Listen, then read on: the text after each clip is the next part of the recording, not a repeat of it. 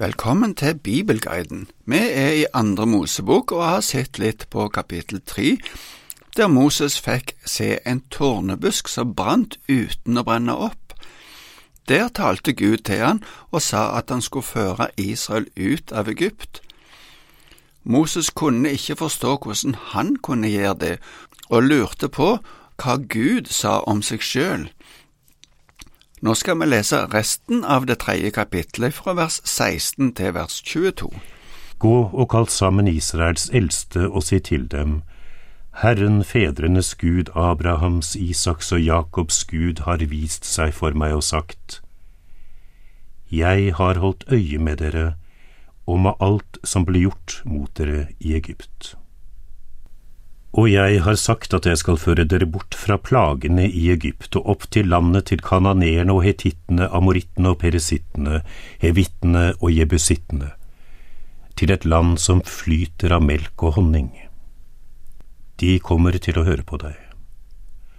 Og så skal du og Israels eldste gå til kongen i Egypt og si, Herren, hebreernes Gud, har møtt oss. La oss nå få dra tre dagsreiser ut i ørkenen og ofre til Herren vår Gud. Men jeg vet at egypterkongen ikke vil la dere dra om ikke en sterk hånd tvinger ham. Derfor vil jeg rekke ut hånden og slå Egypt med alle de undergjerningene som jeg vil gjøre blant dem. Deretter skal han la dere dra. Og jeg lar dere finne nåde i egypternes øyne. Når dere drar, skal dere ikke dra tomhendt. Hver kvinne skal be sin nabokone og de kvinnene hun bor sammen med, om gjenstander av sølv og gull og om klær. Det skal dere la sønnen og døtteren deres bære. Slik skal dere utnytte egypterne. Gud sa at Moses skulle kalle sammen de eldste, det vil si lederne i Israel. Han skulle fortelle dem at Abrahams, Isaks og Jakobs Gud hadde vist seg for han, og at Gud hadde sett deres nød. Gud ville nå føre dem bort ifra plagene i Egypt og til et godt land, et land som flyter av melk og honning. Gud sa at de ville høre på Moses, og så skulle han og Israels ledere gå til farao for å be om å få reise ut i ørkenen og ofre til Gud. Men Gud sa òg at farao ikke kom til å gå med på det. Men som en konsekvens ville han oppleve at Gud skulle tvinge han med sterk hånd. Guds hånd er nåde på den ene sida overfor de som tror på han, og som derfor er hans folk, men på den andre sida er det en streng dom over alle som er Guds fiender. Det var slik på faraos tid i Egypt, og det er fremdeles slik. Gud nevner òg at han vil utføre noen undergjerninger. Det er overnaturlige hendelser som Gud vil sende som dom over Egypt, men samtidig vil dette føre til at Israel ikke skal gå tomhendte ut av Egypt, men få med seg store rikdommer. Det var jo mektige løfter som Gud ga Moses, men hvordan reagerte Moses på disse? Det ser vi i fortsettelsen som vi finner i det neste kapittelet, og vi leser nå ifra vers 1 til 9 i kapittel 4. Moses svarte, Men sett at de ikke tror meg og ikke hører på meg, men sier, Herren har ikke vist seg for deg. Herren sa til ham, Hva har du i hånden? En stav, svarte han. Kast den på jorden, sa han. Og Moses kastet den på jorden. Da ble staven til en slange, og Moses flyktet for den. Herren sa til Moses, Rekk ut hånden og grip den i halen. Så rakte han ut hånden og grep den, og den ble til en stav i hånden hans. Dette er for at de skal tro at Herren fedrenes Gud, Abrahams Gud, Isaks Gud og Jakobs Gud har vist seg for deg. Og Herren fortsatte, Stikk hånden inn på brystet. Han stakk hånden inn på brystet og dro den ut igjen, og se, hånden hadde fått hvite flekker lik snø. Da sa Herren, stikk hånden inn på brystet igjen. Moses stakk hånden inn på brystet, og han dro den ut, og se, huden var blitt som før. Om de ikke tror deg og ikke adlyder ved det første tegnet, så vil de tro etter det andre. Men tror de ikke etter noen av disse to tegnene, og hører de ikke på deg, så skal du ta vann fra Nilen og helle det ut over den tørre marken, og vannet du tar fra Nilen skal bli til blod på marken. Moses klarte ikke å se for seg at han skulle gjøre dette. Han hadde jo blitt avvist før da han prøvde å gripe inn en annen gang. Nå hadde han dessuten vært så lenge utenfor Egypt at han hadde blitt en utlending for dem. Men Gud ga han noen tegn som han skulle vise til folket sitt i Egypt for å få dem til å tro på han. Det første var at staven ble til en slange. Dette skremte Moses så han flykta, men Gud sa at han skulle ta slangen i halen, og da ble den til en stav igjen. Det andre tegnet var at han skulle stikke hånda si inn på brystet, og når han tok den ut, var den preget av hvite flekker.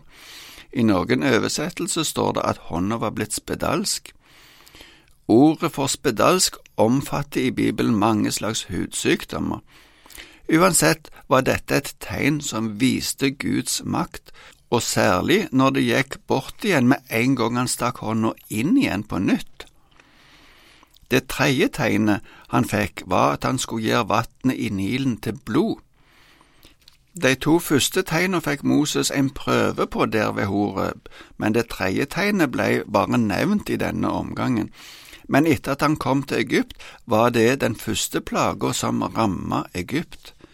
Nå hadde vel Moses blitt motivert til å gjøre det som Gud sa. Vi skal lese videre og se hva som skjer, og nå leser vi ifra vers 10 til 17. Men Moses sa til Herren, Herre, hør. Jeg har aldri vært noen ordets mann verken før eller nå, etter at du begynte å tale til din tjener. Sen er min munn, og sen er min tunge. Da sa Herren til ham, Hvem gir mennesket munn? Hvem gjør stum eller døv, seende eller blind? Er det ikke jeg, Herren? Gå nå, jeg skal være med din munn og lære deg hva du skal si. Men han sa, Herre, hør, send heller en annen. Da ble Herren brennende harm på Moses og sa, Har du ikke din bror Aron, levitten? Jeg vet at han er flink til å tale. Han er allerede på vei for å møte deg, og han vil glede seg av hele sitt hjerte over å se deg. Snakk med ham og legg ordene i munnen på ham. Så skal jeg være med både din munn og hans munn og lære dere hva dere skal gjøre. Han skal tale til folket på dine vegne. Han skal være som en munn for deg, og du skal være som Gud for ham. Ta denne staven i hånden, med den skal du gjøre tegnene. Moses prøver å unnskylde seg, han sier at han ikke har vært noen ordets mann. Gud er tålmodig med Moses, men sier klart fra at det er en dårlig unnskyldning. Det er Gud som har gitt mennesket munn, og det er Han som har skapt mennesket med alle de ferdighetene som det har. Når han ber noen om å gjøre noe for han, så vil han òg utruste til den oppgaven som han gir. Det bør Moses forstå, og det bør vi òg forstå. Gud sjøl vil gi Moses de ordene som han trenger. Men Moses prøver fremdeles å trekke seg Send heller en annen, sier han. Men da får Moses oppleve et glimt av at Gud blir sint, eller harm, som det står i teksten vår. Så sier Gud at han har jo en bror, han skal bli med på dette oppdraget. Og ikke nok med det, Gud har allerede gjort det slik at Aron er på vei ut i ørkenen for å møte Moses. Så skal Moses fortelle Aron hva han skal si, og så skal Aron si det videre, både til folket og til farao. I slutten av kapittelet får vi lese litt om møtet mellom Moses og Aron, men det ser vi på når vi kommer til det, så det må nok vente til neste gang.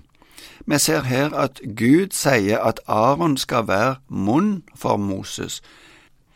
Det er slik en profet skal være, han skal tale nøyaktig det som han får beskjed om. Moses skulle være som Gud for Aron, og sikkert òg for folket.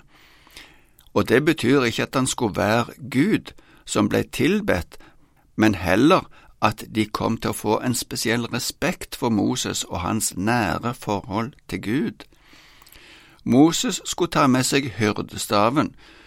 Gud hadde vist han tegn med den, og det ville han fortsatt gjøre men det var likevel ikke slik at det var staven i seg sjøl som var spesiell, for det var Gud som var den som skulle gjøre alt det som skulle skje når Moses lufta staven eller på andre måter brukte den. Det var så langt vi kom i dag.